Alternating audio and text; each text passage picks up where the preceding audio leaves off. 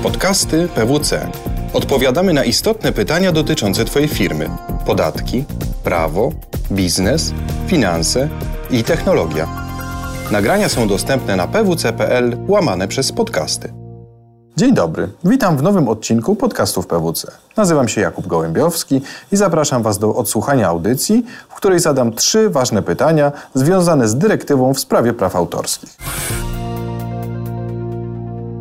Dziś naszym gościem jest Konrad Dobrowolski, adwokat, na co dzień pracujący w Zespole Nowych Technologii Kancelarii PWC Legal. Dzień dobry. Dzień dobry. 12 września 2018 roku Parlament Europejski przyjął projekt dyrektywy w sprawie praw autorskich na jednolitym rynku cyfrowym.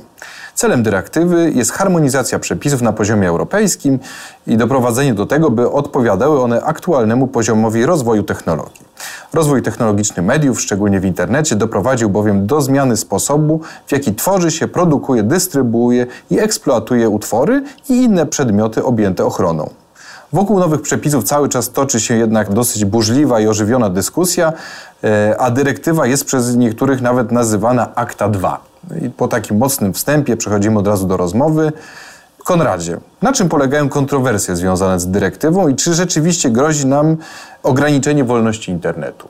Rzeczywiście, jeżeli prześledzi się publikacje, które pojawiły się w prasie na temat nowej dyrektywy w sprawie praw autorskich, mamy gdzieś tutaj głosy, że grozi nam znaczne ograniczenie wolności internetu i że mamy do czynienia z regulacją, która swoją istotą przypomina akta, czyli to sławetne porozumienie, które miało doprowadzić do ograniczenia handlu podróbkami, w konsekwencji miało też zwalczać piractwo w internecie, ale spotkało się z tak dużymi oporami społecznymi, zwłaszcza ze strony internetu, że ostatecznie ta regulacja nie została przyjęta. No właśnie, bo tu w pamięci mamy dosyć dynamiczne protesty i dosyć liczne protesty na ulicach europejskich miast. Dokładnie. I te protesty spowodowały, że na etapie e, prac prowadzonych przez Komisję i projektowania przepisów nowej dyrektywy e, miano gdzieś uwzględnić wszystkie postulaty, które były zgłaszane pod adresem e,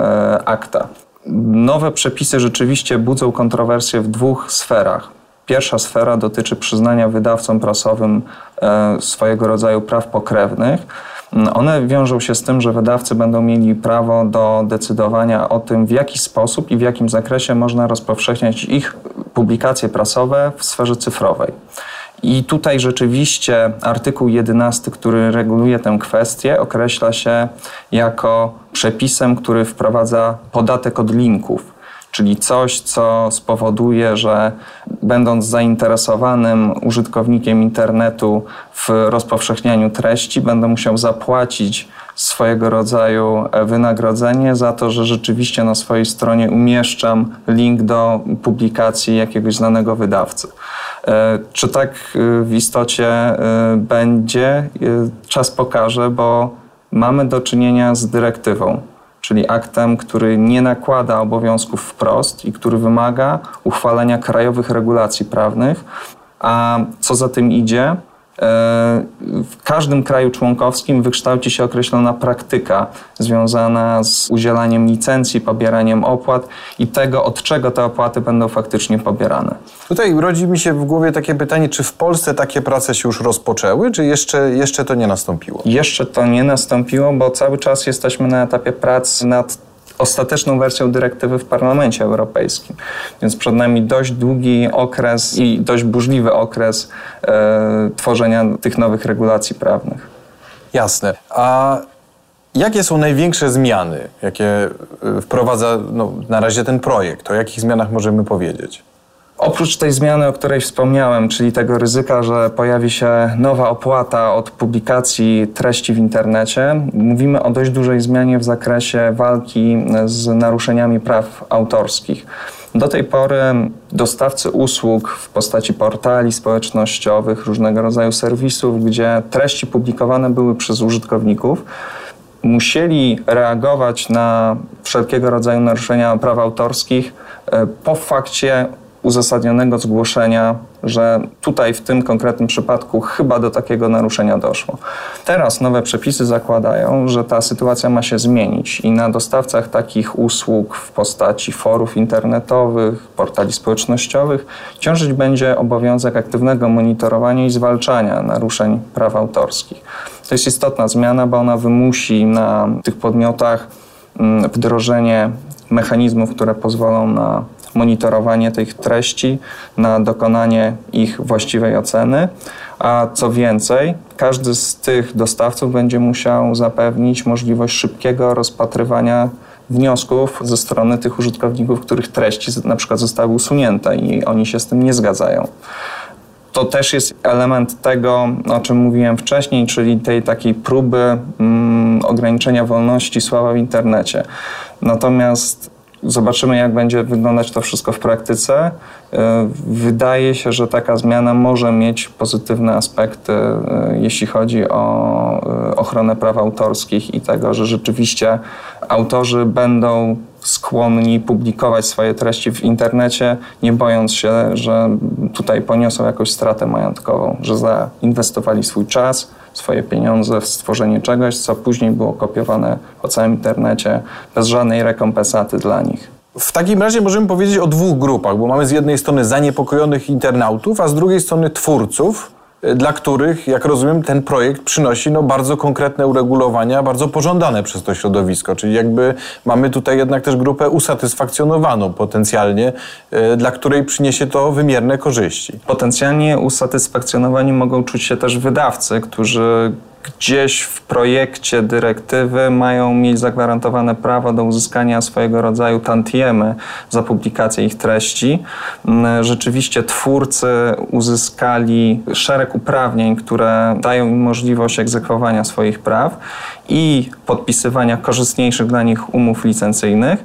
I jeszcze jeden bardzo ciekawy, a pomijany w tych publikacjach prasowych, o których wspominałem na początku, aspekt dotyczy nowej zasady przejrzystego informowania o tym, jak rzeczywiście utwory, na które przenieśliśmy prawa autorskie albo na które udzieliliśmy licencji jako twórca, są wykorzystywane w rzeczywistości.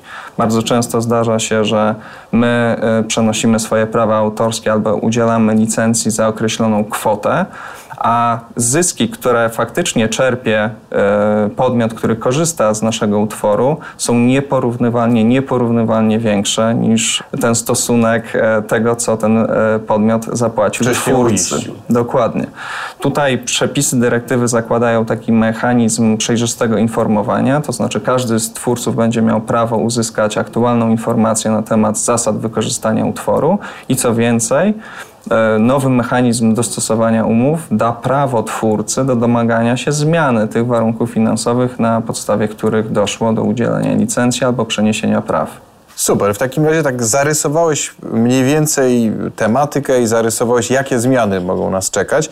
No to nasuwa się pytanie, co dalej i jak, wygląda, y, jak będzie przebiegać ten proces legislacyjny i co nas w związku z tym czeka? Czekają nas jeszcze bardzo długie prace w samej e, Komisji, Parlamencie Europejskim, aby ten ostateczny tekst został uchwalony i przyjęty e, na poziomie Unii, a później każde z państw członkowskich niestety będzie musiało przygotować krajowe regulacje prawne, które przeniosą te postulaty dyrektywy na polski porządek prawny.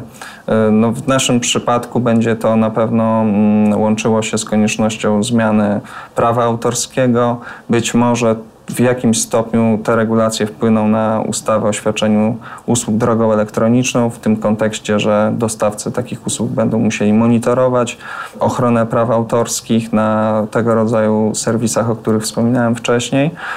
I y, podejrzewam, że czeka nas bardzo ciekawy też aspekt związany z tym, że mm, dyrektywa to nie tylko te kontrowersje, o których wspominałem, ale również bardzo duże pozytywne zmiany dla mm, sektora oświaty w Polsce, bo tutaj warto wspomnieć, że instytucje naukowe, instytucje, które zajmują się ochroną dziedzictwa kulturowego, otrzymają mechanizmy i narzędzia do tego, aby inwestować w rozwój nowych technologii, które pozwolą na lepsze analizowanie różnego rodzaju trendów związanych chociażby z tym, jak się zmieniał nasz język, analizowania różnego rodzaju informacji, które są chronione prawami autorskimi e, pod kątem rozwijania nowoczesnych technologii, e, inwestowania w programy, które pozwolą na lepsze zarządzanie procesem edukacji w szkołach i przepisy dyrektywy pozwolą tym instytucjom prowadzić takie